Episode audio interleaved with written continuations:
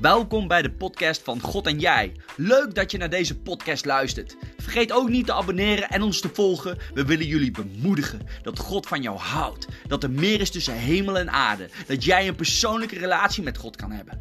Vergeet ook niet onze website te checken: www.outreachzutphen.nl. Be blessed in Jesus' name. Zoals de Heilige Geest het wilt. En eh, ik ben blij dat ik hier vanavond zo mag zijn. En een beetje, natuurlijk is het een beetje allemaal te maken met kerst. maar eigenlijk, eh, als we erbij stilstaan en weten echt de geestelijke betekenis van kerst, dan draait ons leven helemaal eigenlijk dankzij de kerst, dankzij de geboorte van de Heer Jezus. En of het nou eh, precies die datum is of niet, het is een perfect iets, zodat mensen in ieder geval kunnen horen over dat God mens werd. Dat de Zoon van God geboren werd door de Heilige Geest. En daar wil ik kort stilstaan. En weet je wat zo leuk is? Als je bezig bent met God, gaat hij je verrassen. Vorig jaar, wist ik, had ik zo'n mooie boodschap. Dat ik al eigenlijk twee weken lang dacht dat ik dezelfde boodschap moest brengen. Weten jullie nog waar ik het vorig jaar over had voor de mensen die er waren? Ah, zie je, ik had het nog makkelijk kunnen doen. Maar toch wilde God dat niet. Want dat dacht ik al. Mij heeft het wel veel indruk gemaakt. Ik had het misschien als ik het zeg, want ik zie wel nog wat gezichten. Ik weet, Ellen was er vorig jaar, Esther was er vorig jaar, Talita was er vorig jaar, Benjamin was er vorig jaar, Ilana, Sjaan. Dus, als ik het zeg, misschien weet je het nog. Ik heb het toen gehad over dat God als eerste openbaarde aan occulte mensen. Ja. Niet aan rechtvaardige mensen, maar aan de magiërs, de drie wijzen. Ja, tovenaars, heksen, hoe je het wil noemen, occulte mensen die vanuit de sterren konden lezen.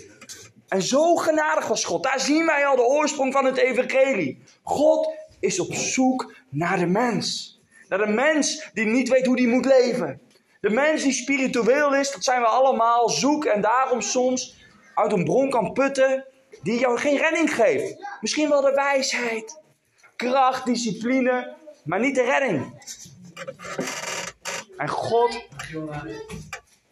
Ik krijg geen kus. Oh nee, daar zit je wel. ah, van, van verre had ik ook wel een kusje gewild, maar goed. maar dan zien we al hoe machtig en liefhebbende vader we hebben.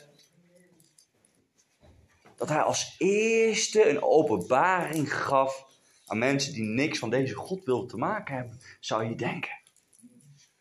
Nou, die boodschap wou ik eigenlijk brengen in de notendop. Dat had ik vorig jaar verteld. Hè? Deed ik dan eigenlijk een half uur over. Hè? Omdat ik ook wilde hè, dat je wat te vertellen hebt. Maar goed, dat, dat, is eigenlijk de essentie. Wat ik zo bijzonder vond. Die liefde van God met kerst. Wat ik vorig jaar had besproken. Had proberen te vertellen. En leuk dat ik een paar mensen in zo zeggen. Oh ja, oh ja. Hè? Dat is al een jaar geleden. Dus mooi dat het indruk maakte, dat verhaal. Ja, mij maakt het nog steeds indruk. Als je daarbij stilstaat. Dat is zo mooi als we de Bijbel lezen. Je kan een miljoen keer lezen bij wijze van, en in één keer lees je een heel ander verhaal. Als je de, de uh, miljoen in één keer leest. Hoe, hoe kan dat? Omdat God spreekt. Omdat God spreekt door zijn woord. En ik wilde dus vandaag eigenlijk dezelfde boodschap vertellen. En ineens zei de Heilige Geest: Nee, ik wil het anders doen. Ik wil het hebben, in het bijzonder ook, voor een beetje de voorloper voor de Heer Jezus. Die de Heer Jezus ging aankondigen. Over Johannes te dopen. En ik wil de Bijbel vooral laten spreken vandaag. Dus zodat we samen lekker weer een stukje naar het verhaal luisteren. Dat we samen erover na kunnen denken. En dat ik ook een stukje mag prikkelen. Omdat er ook weer ja, belofte staat dat God alles kan. Lucas, hoofdstuk 1, vers 5 tot 7 ga ik beginnen met lezen. Daar staat het volgende. Mijn verhaal begint bij de Joodse priester Zacharias. Die leefde in de tijd dat Herodes koning van Judea was. Hij behoorde tot de priesterafdeling van Abia. Zijn vrouw Elisabeth kwam net als hij zelf uit het priestergeslacht van Aaron. Zacharias en Elisabeth waren goede mensen die zich stipt aan Gods wetten hielden. Ze hadden geen kinderen omdat Elisabeth onvruchtbaar was. Op het moment dat dit verhaal begint, waren ze ook allebei erg oud.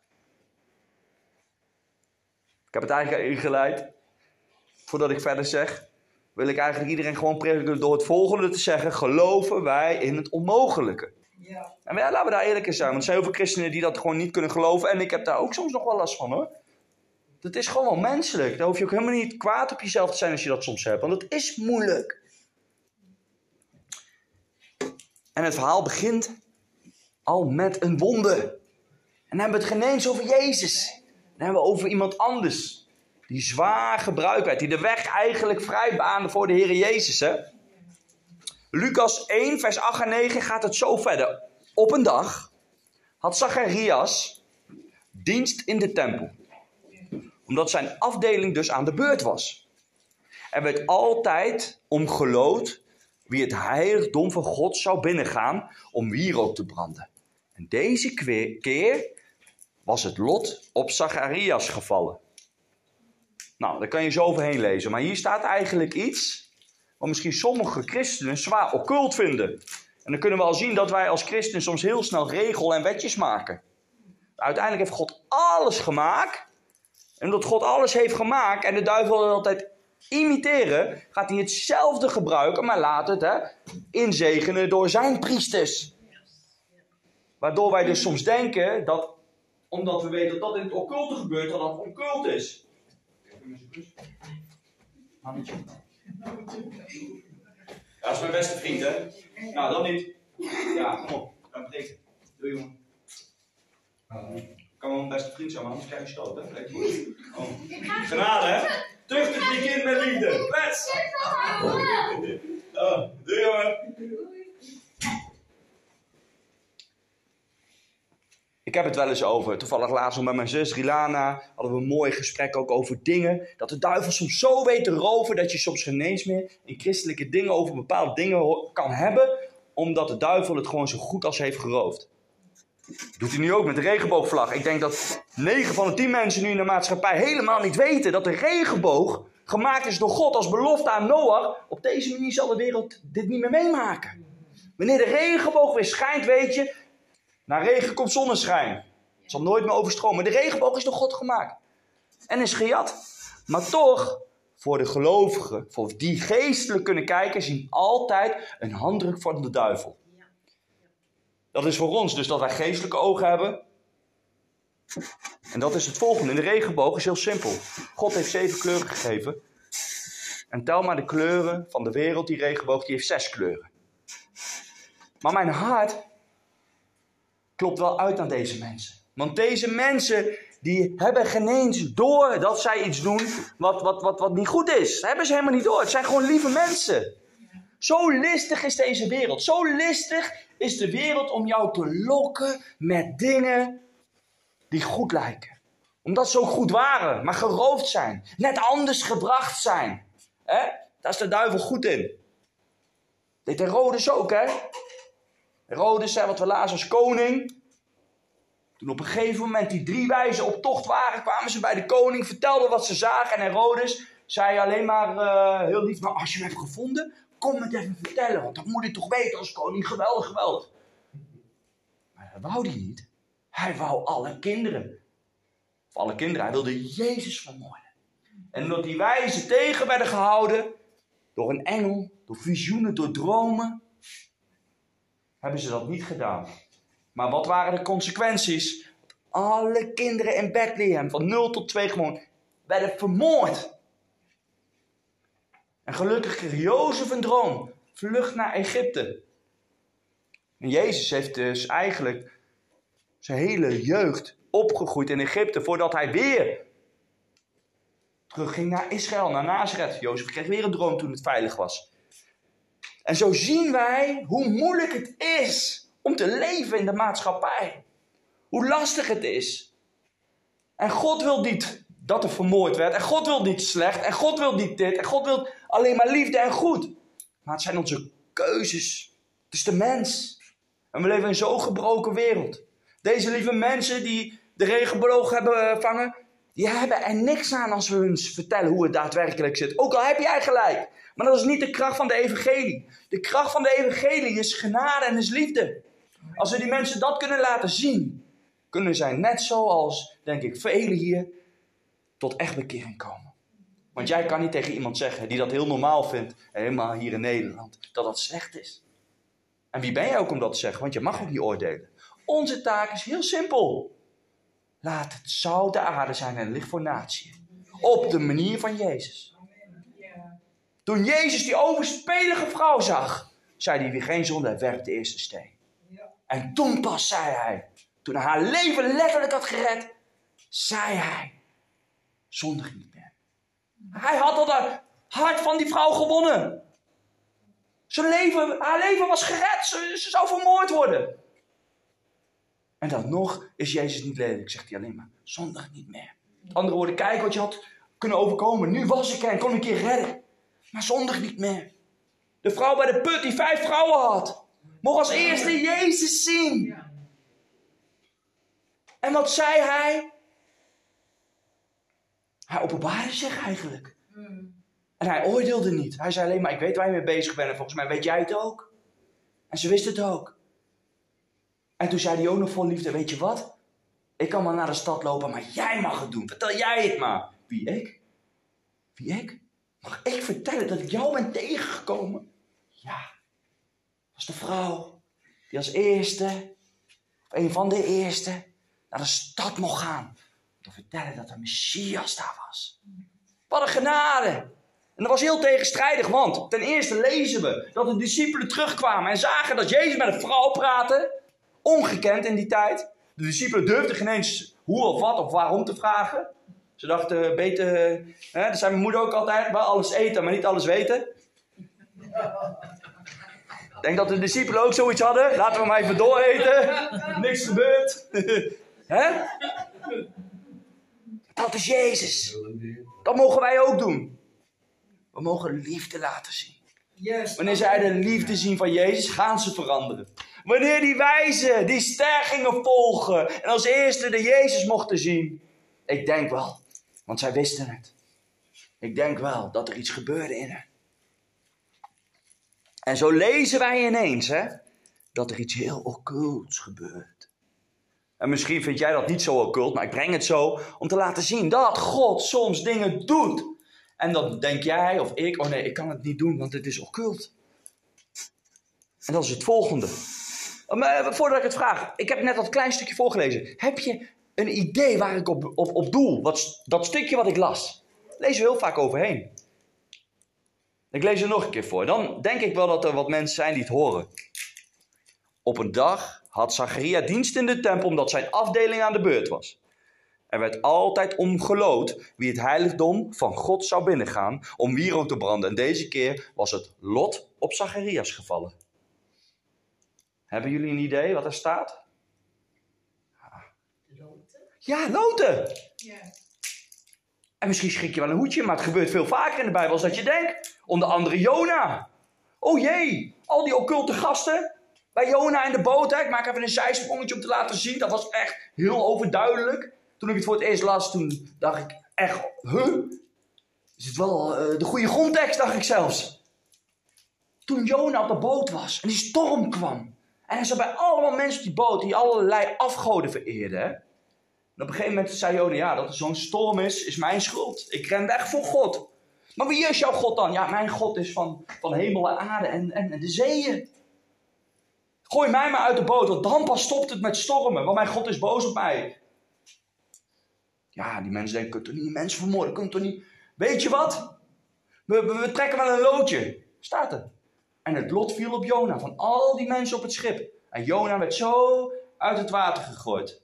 Hey, in het water gegooid. En ja, ik geloof dat er een walvis kwam die Jona opat. 100%. Zo'n grote God hebben we. Ja. En de storm stopte. En zonder dat Jona het wist, werden die honderden mensen, of in ieder geval tientallen mensen, staat er hè, kwamen tot geloof. In de God van Jona. Ja. Omdat het lot, het stokje, dat, hij pakte het kortste stokje. Als jij in de pinarie zit en niet weet, net zoals hier, al die priesters, ja, wie wil God dan daar hebben? Want het was duidelijk dat het lot op Zacharias moest vallen. Als ik zo verder lees, zien we dat. dan mag jij smeken, vragen aan God. En moet het dan met een stokje? Nee. Het kan ook zijn als Gideon. Heer, als dit dan van u is, laat het dauw daar nat zijn en daar droog zijn. En als je het nog niet mee eens bent, hè? Ja, oké, misschien was het toeval, laat het nou maar andersom gebeuren. En God deed het. We kunnen God van alles vragen. Hij is geen toverstafje, dus, eh, eh, soms gebeurt er ook niks en dat is ook logisch. Soms bid jij niet vanuit het geestelijke, maar vanuit je vleeselijke. En misschien heb je dat niet door, maar hoe verder je groeit, krijg je door en zie je, ah, vandaar dat ik niks ontving. En misschien heb jij ook wel, ik wel, wonderen meegemaakt. Tekenen, visioenen. En dit mag Zacharias meemaken. De voorloper van Jezus, Johannes de Doper. Het lot valt op Zacharias. En dan lezen we verder. Lucas 1, vers 10 tot 18. Terwijl hij in het heiligdom bezig was, stonden op het tempelplein vele mensen te bidden. Plotseling zag Zacharias een engel van de Heere staan, rechts van het altaar waarop de wierook werd gebrand. Hij wist niet wat hem overkwam en werd bang. De engel zei: Wees niet bang, Zacharias. Nou, kan die engel wel zeggen: Wees niet bang. Oh, ik hoop dat ik net naar de wc ben geweest dan, anders, uh, hè? Jongen, jongen, ik zou kapot schrikken. Stel je voor. Een engel die dat ineens zegt. En dan zegt die engel ook nog, ja, wees niet bang. Zeggen die engelen bijna allemaal, hè, dan, hè? Wees niet bang. ja, dat je lekker zeggen. Nou, maar goed. Wees niet bang, Zacharias. Ik ben gekomen om u te vertellen dat God uw gebed heeft verhoord. Uw vrouw Elisabeth zal een zoon krijgen en u moet hem Johannes noemen. Hij zal u en vele andere mensen heel erg blij maken. Uw zoon zal een groot man zijn in de ogen van de Heer. Hij mag geen druppel wijn of sterke drank drinken en vele andere mensen, oh dat heb ik al gelezen, en al voor zijn geboorte zal hij vol zijn van de Heilige Geest. Hij zal vele Joden ervan overtuigen dat zij moeten terugkeren tot de Heere hun God. Hij zal een bijzonder man zijn, een boodschapper met dezelfde geest en kracht als de profeet Elia. Hij zal ouders en kinderen verzoenen en de ongehoorzamen weer op het pad van de rechtvaardigheid brengen. Zo vormt hij een volk dat gereed staat voor God. Zacharias zei tegen de engel: Moet ik dat zomaar geloven? Ik ben immers al oud en mijn vrouw ook. Zo herkenbaar. Mhm. In dat stukje, hè, ik heb het onderstreept, staat zelfs. Ik ben gekomen, zegt de engel, om u te vertellen dat God uw gebed heeft verhoord. Dus misschien bidt hij al zijn hele leven, want hij is heel oud, om een kind. Krijgt hij een kind? Hij, krijgt het niet in zijn hart. Hè? Zoals ik het toen had, dat ik al eerder dat Jezus wist dat ze zwanger was. Ik kon niet bewijzen, ik had geen engel, ik had geen visioen. Ik wist het gewoon in mijn hart. Bam, God had het gezegd. Ik kon niet bewijzen. Achteraf had ik gelijk. En hij heeft gebeden en alles. Hij zit in de tempel. Hij is uitverkoren op dat moment. Hij ziet een engel. De engel zegt zelfs: Wees niet bang, want hij schijnt zeven kleuren. Ja. En dan zegt de engel dit en dan zegt hij: Ja, dat geloof ik niet. Je hangt toch een dreun verkopen. Dat is niet christelijk, Edward. Denk erom. Maar dit is zo menselijk. Ik vraag wel eens om dingen en dan gebeurt het. Oh, hoe is dit echt? Is dit echt? Ja, het is echt. dit heb jij ook in je leven. Dat kan niet anders. En daarom hebben wij mensen altijd die strijd met God. Daarom is Maria zo bijzonder. Daar kom ik straks ook op terug. Er zijn maar weinig mensen. En dat is ook een gave, hè? En de geest geeft het, lezen we in de Bijbel hoe die het geeft. In de mate. En geloof is een gave. En sommige mensen hebben de gave van geloof. Zacharias duidelijk niet. En dan zien we zoiets moois. Dat God ook soms wel eventjes dan zoiets zegt van... Ik ben even klaar met jou. En wat doet hij bij Zacharias? Ja, hij maakt hem stom. Negen maanden lang mag hij niet meer praten. De engel dacht echt, jongen, jongen. Hele dagen, je wordt wakker, eh, weet ik veel, dat ze, eh, de joden deden volgens mij drie keer op een dag bidden. Plus nog met alles en nog wat gingen ze bidden. Nou, misschien zei hij wel steeds, oh heer, waarom heb ik geen kind? En dan krijgt hij hem en dan wil hij het niet geloven. Klets, negen maanden de mond houden. ja, dat doet God dus ook, hè. Zacharias kan het niet geloven. Hij kan het maar niet geloven. En soms kunnen wij iets niet pakken of niet geloven. En wat doet dat met ons? Maakt ons depressief, maakt ons wanhopig. Sommigen verliezen zelfs hun geloof erdoor. Sommigen schieten door en doen alsof ze geestelijk zijn, maar die gaan gewoon entertaining beginnen. Uh, draait niet meer om God, maar het draait om een bepaald iets wat, wat, wat, wat dan ja, bekend is, bekend kan worden, weet ik het, je kan het noemen. En we zien het allemaal. Christelijke bands die zuiver beginnen en uiteindelijk alleen maar hun cd's willen verkopen. Beyoncé, die gewoon een gospelzangeres is en nu bij de Illuminati de ziel heeft verkocht. Filmsterren die christelijk zijn, uiteindelijk zo depressief raken. de Epstein-schandaal, wat zat er wel niet allemaal op het eiland? En het zijn allemaal kostbare zielen. Als wij niet dicht bij God blijven en niet gaan geloven, dan, dan wil de duivel wil één ding. En die wil ons geloof roven. Hij wilde het geloof bij Johannes, denk ik, op die manier beschermen. Want de tong is een wapen. Jacobus leert het ons. We kunnen elk wild dier temmen, maar geen mens kan zijn eigen tong temmen. Een schip die zo groot is, nog luistert hij naar de roer. En een heel bosbrand begint enkel met een vonkje. En zo is jouw geloof ook. Je geloof kan weer uitdoven en kan het aanvuren. En soms is het wijs om stil te zijn. Wees stil en weet dat ik jouw God ben. Ik denk dat dit een spirituele les is voor Zacharias. Uit liefde gestraft. Soms doet God ons uit liefde straffen. Zodat je niets kan breken, niets kan kapot maken. Ik maakte net even een grapje wat er gebeurde. Maar dit is denk ik de geestelijke les voor Zacharias. Want wanneer hij spreekt, maakt hij indruk. Als we verder lezen, in uh, Lucas 1, 26, vers 7, 26 tot 37 lezen we dit. Toen Elisabeth in haar zesde maand was, stuurde God een engel Gabriel de engel Gabriel naar Nazareth, een stad in Galilea. Hij moest bij Maria zijn, een jonge vrouw die verloofd was met een zekere Jozef, die nog van koning David afstamde. Gabriel kwam bij haar binnen en zei: Ik wens u vrede toe. U bent een gelukkige vrouw. De Heer zij met u. Maria raakte daardoor in de war en werd bang. Juist, dat staat er. Ze vroeg zich af wat hij bedoelde.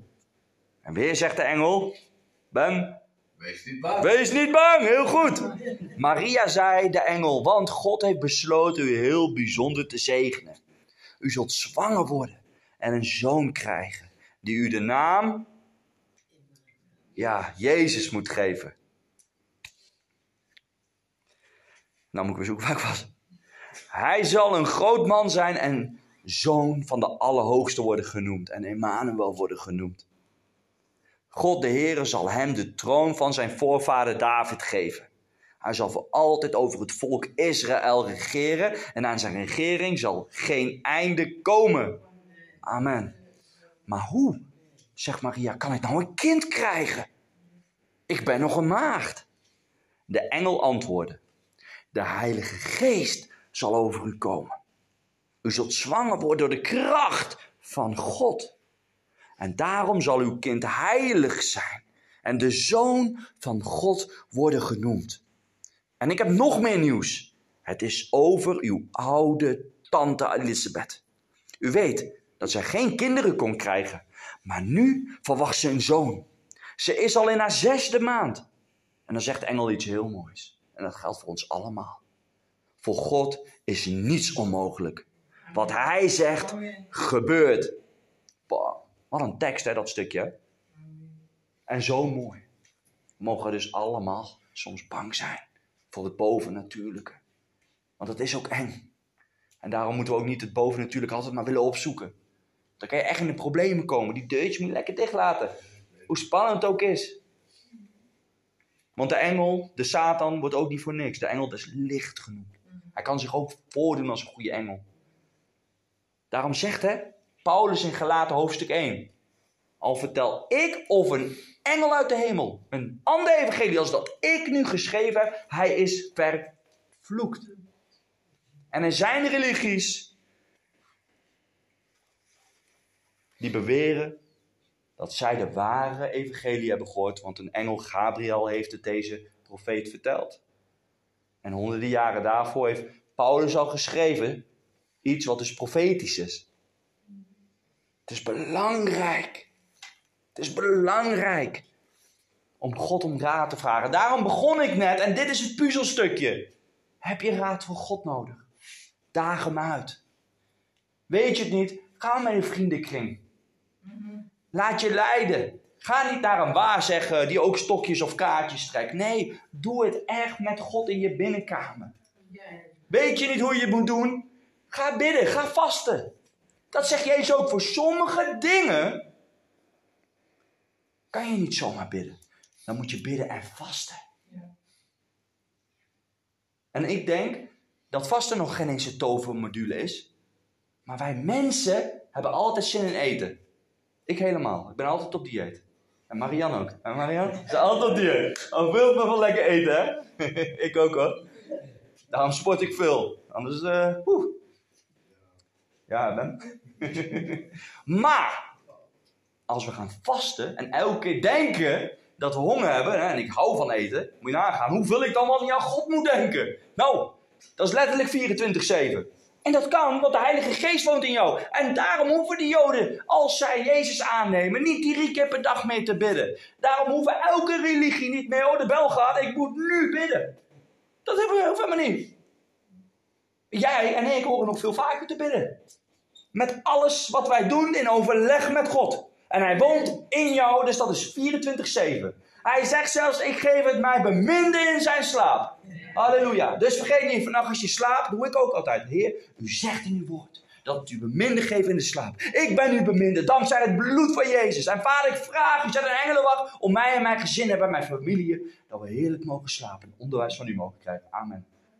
En ik ben altijd heel veel moe, dus er zal wel heel veel van me houden. Dat ik heel veel moet slapen. Hè, oma? ik ben altijd moe. Maar goed. Dit zijn geestelijke lessen. En die lezen we gewoon in de voorlopen van Johannes de Doper. En dan zie je weer dat de engel iets doet. En dan ga ik voorlezen en dan vertel ik wat hij doet. En dat is zo mooi. Dit is zo mooi dat we bij elkaar komen om elkaar te bemoedigen. Ik sta hier om jullie te bemoedigen dat God van je houdt. Dat jij immers alleen maar de liefde van Jezus te laten zien. En als je verder bent, ja, natuurlijk zijn Bijbelstudies belangrijk. Maar als je meteen Bijbelstudies gaat doen, dan zie je niet de liefde van God, zie je alleen maar zijn regeltjes. En daarom herkennen wij, als wij tot geloof komen, die eerste liefde. Alles is mogelijk bij God. Oh, wat houdt hij veel van mij. Natuurlijk, hij wil je vertroetelen. Een kind die net een baby krijgt.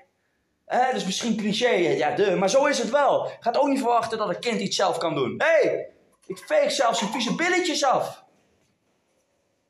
Die luis, die vieze stinkluis, gooi ik in de prullenbak. Ik verwacht helemaal niks van hem. Maar op een gegeven moment moet hij toch echt zelf naar de wc gaan en zijn billen afvegen.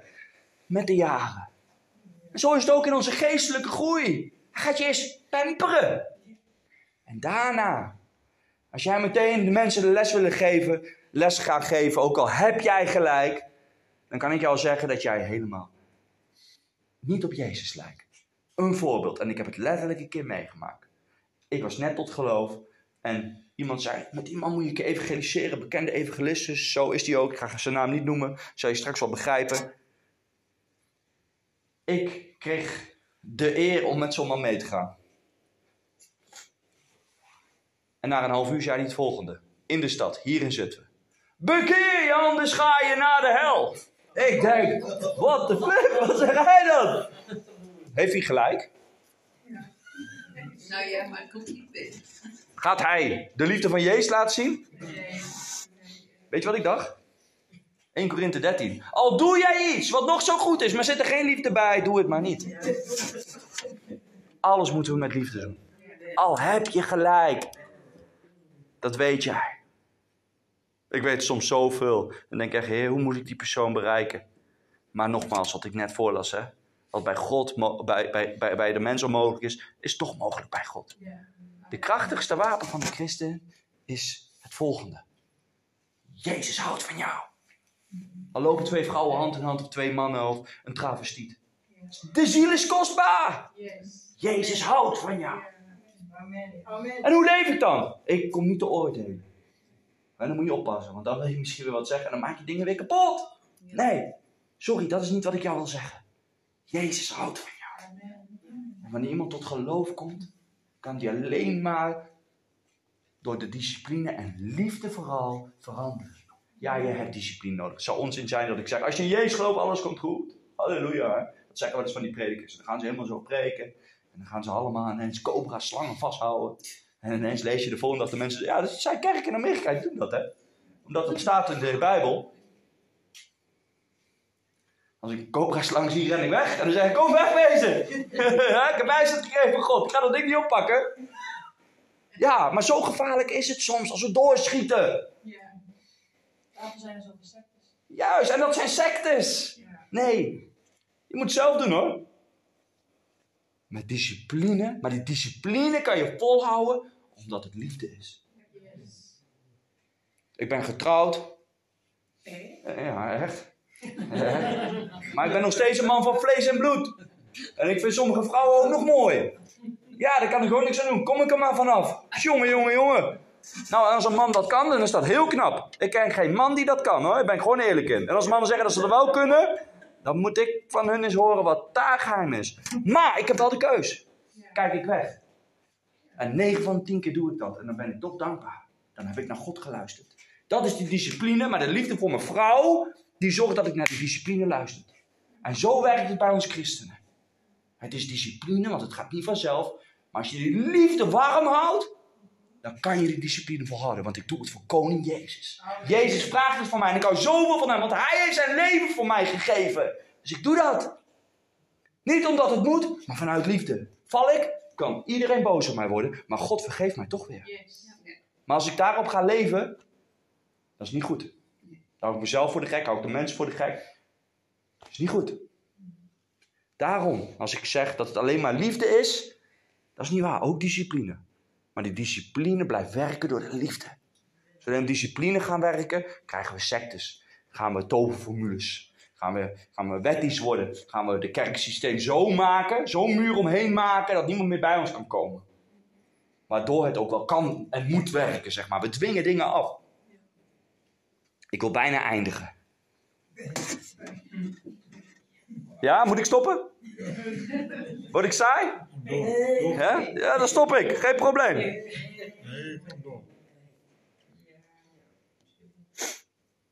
Lucas 1, vers 38 tot 52. Nou komt het. Daarom zei ik net, het is belangrijk dat we bij elkaar komen. Transparant tegen elkaar zijn, weet je. Wat ik zeg is best spannend. Maar als ik dat niet zeg, wat, wat, wat doe ik dan hier? Ik moet zelfs mijzelf ook als voorbeeld gebruiken en daar de Bijbel naast zetten. Maar ik ben maar een mens hoor. Dat ik een gave heb om te spreken, dank u wel. Anderen hebben weer een gave in groot geloof. Anderen hebben weer een gave in, in een herden, zoals Ma. Dat heb ik niet. Zo hebben we elkaar allemaal nodig, hè? Zijn we lichaam. Duim, tong, neus, noem het maar op. Ik ben niet meer en niet minder. Goed, zei Maria, de Heer mag met mij doen wat hij wil. Ik hoop dat het zo zal gaan als u mij hebt gezegd. Daarop ging de engel weg. Kort daarop reisde. Oh, gelukkig dat ze het maar zo zei, hè? want anders eh, had ze misschien wel een probleem gehad. Poeh. Daarop reisde Maria zo vlug, zij kon naar het bergland van Judea om Elisabeth te bezoeken. Zij ging het huis van Zacharias binnen en groette Elisabeth. Toen Elisabeth de groet van Maria hoorde, begon het kind in haar buik te trappelen. Dat is de kleine Johannes. Die begon te trappelen in de buik toen ze Maria hoorde. Elisabeth zelf werd vol van de Heilige Geest. Ze jubelde het uit en zei tegen Maria: Jij bent de meest gezegende vrouw van de hele wereld en jouw kind draagt Gods zegen. Wat een eer dat de moeder van mijn Here mij op bezoek komt. Wanneer Gods geest op jou komt, daarom staat het daar. Zij werd helemaal vol van Gods geest, staat er eigenlijk. Ga je profiteren. Want hoe kan zij dat weten? Maria kwam nog maar net binnen. En ze zegt, wow. Gewoon, Mar- Maria was misschien pas 15, 16, 17 jaar. was een heel jong meisje. Elisabeth was al heel oud. Hè? Ze was eigenlijk al te oud om een kind te krijgen. Dus misschien al wel 70 jaar. Ik zeg maar wat. Ze wordt vol van de Heilige Geest, staat er. Het kindje in haar buik gaat trappelen. En ze zegt tegen haar, gewoon haar nichtje. Moet je dat voorstellen? Dat de moeder van mijn heren mij komt bezoeken. Dat kan zij niet zeggen. Dat is Gods geest. En daarom stop ik nu even, want jij kan soms dingen niet zeggen. En twijfel dan niet, want dat doet de duivel. Die twijfelt, die, die meteen met twijfels. Ga dan weer op je knieën. Zeg dank u weer. Heb je twijfels? Wat ik zei, dat is Gideon. Daag hem uit. Hij komt alweer met een teken als, als het echt belangrijk voor jou is. Maar soms weet je het al. Maar dan voel je dat, dat jij het weet, maar iets om jou heen. En ik geloof dat het die geestelijke oorlog is. Hè? De onzichtbare wereld die reëel is. Die dan toch gaat prikken. Hoewel je het weet, dat je toch gaat twijfelen. Dan mag je al weten dat je Gods stem verstaat, dat je het weet. Want de duivel komt alleen maar te roven en te stelen. Misschien herkennen we dat wel. Dat je denkt, ja, inderdaad, dat is best gek. Als je daarbij stilstaat. Ik weet het. Maar toch komt er eens twijfel. Het voelt ook alsof het niet van, dat niet van binnen is, maar naar binnen wilt komen. Hè? Dat is een sleutel, mensen. Dat we mogen weten, als we het in ons voelen, dat God heeft gesproken. Ja. En dat dat buiten is, dan mogen we alleen maar blij zijn. Hoe het is echt kostbaar. De duivel die is bezig. Halleluja. Bam, geëlimineerd. Toch? Ja. En dan gaat het verder. Ze weet het. Wat een eer dat de moeder van mijn Heer mij op bezoek komt. Want toen je binnenkwam en ik je stem hoorde, begon het kind in mijn buik te trappelen van blijdschap. Jij hebt geloofd dat God zou doen wat hij zei. Wat een geluk. Maria antwoordde, ik prijs de Heer met heel mijn hart. Ik kan mijn blijdschap niet op. God, mijn redder, heeft mij, aan mij gedacht. En ik ben maar een gewone vrouw. Nu zullen de mensen altijd en overal zeggen dat ik bevoorrecht ben. Want de machtige, heilige God heeft grote dingen voor mij gedaan. Hij is altijd goed voor mensen die ontzag voor hem hebben. Hij heeft laten zien hoe groot en machtig hij is. Hij heeft hoogmoedige mensen in verwarring gebracht. Vorsten van hun troon gestoten. Maar gewone mensen zijn door hem op een voetstuk gezet. En Maria zegt gewoon: God mag met mij doen wat hij wilt. God zorgt zelfs voor dat Maria's nog meer wonderen mag zien aan haar nicht. Elisabeth ook. En dan, wat ik net al zei, ze bemoedigen elkaar. Waarom zou God dat doen? Zeggen, ga naar je nicht. Dat hoeft niet, maar God is zo goed en zo begaan met de mens. Zou me niks verbazen, het staat niet in de Bijbel, daarom zeg ik ook, het zou mij niets verbazen. Dat Elisabeth wel zei, heer, is dit wel echt van u? Het is te mooi om waar te zijn. Kan ik begrijpen, ook al weet je het zeker. Er zijn die prikkels, wat ik net al zei. En Maria ook. Of was het een droom? Heb ik dit gefantaseerd? Ik ben maagd, 16, was dit echt? En wat als dit, of wat als dat? Want in die tijd ook, hè? als je overspel pleegde, werd je gestenigd. Hè? Dat is heel risico wat Maria nam. Had misschien wel voor haar leven moeten vluchten en dan, als een jong meisje. Maar ze had vertrouwen in God, het komt goed. En dan zegt God dat tegen Maria. En Maria gaat naar Elisabeth. Elisabeth wordt bevestigd door de Heilige Geest, begint te profiteren over Maria. En ze worden nog meer bemoedigd. Ik wil eindigen. En ik hoop dat Asma of Rilana of, of, of, of ze mensen zijn die zeggen: Ja, ik wil nog even doorpraten of ik heb iets, ik wil op gebed. Is daar ruimte voor? Maar ook, misschien krijg jij wel een woord van God voor een ander. Want Paulus zegt niet voor niets, hè? In de Korinthebrief. Alle gaven van de geest, die moet je willen hebben. Maar de voornaamste gave is de gave van profiteren. Omdat het elkaar bemoedigt, elkaar opbouwt. Deze avonden zijn om elkaar op te bouwen. Want we zijn maar mensen, we leven in een gebroken wereld. We hebben elkaar zo hard nodig. En als we dit lezen, dit vandaag, dit kerstverhaal. dat God bezig was eerst met Johannes, met Zacharia, de vader. En ik moet gewoon eindigen. Ik heb nog een heel stuk, maar dat sla ik over. Maar dit is wel belangrijk om te zeggen. En dat doe ik even gewoon uit mijn hoofd zonder de Bijbel te lezen. Is het volgende. Als het kindje Johannes geboren wordt. In het huis. Allemaal familieleden. En het is een traditie. Dat je altijd je kind benoemt naar de vader of naar de opa of naar een belangrijk familielid in jouw familie. Dat, dat, dat, is, gewoon, dat, dat, dat, dat is gewoon zo. Daar rekenen ze niet op, dat is gewoon zo. In die cultuur. En nog steeds vaak. En dan ineens. Als ze zeggen, gaat het kindje naar jou heten, Zacharia? Zegt Zacharia, nee. Hij praat weer na negen maanden. Hij zal Johannes heten. En dan staat er een hele lap tekst weer. Over het levensloop van Johannes. En als Johannes' bediening zichtbaar wordt in de Bijbel, profiteert Johannes weer. Hij zegt, wanneer zijn neef Jezus komt aanlopen, zie daar het offerlam Gods.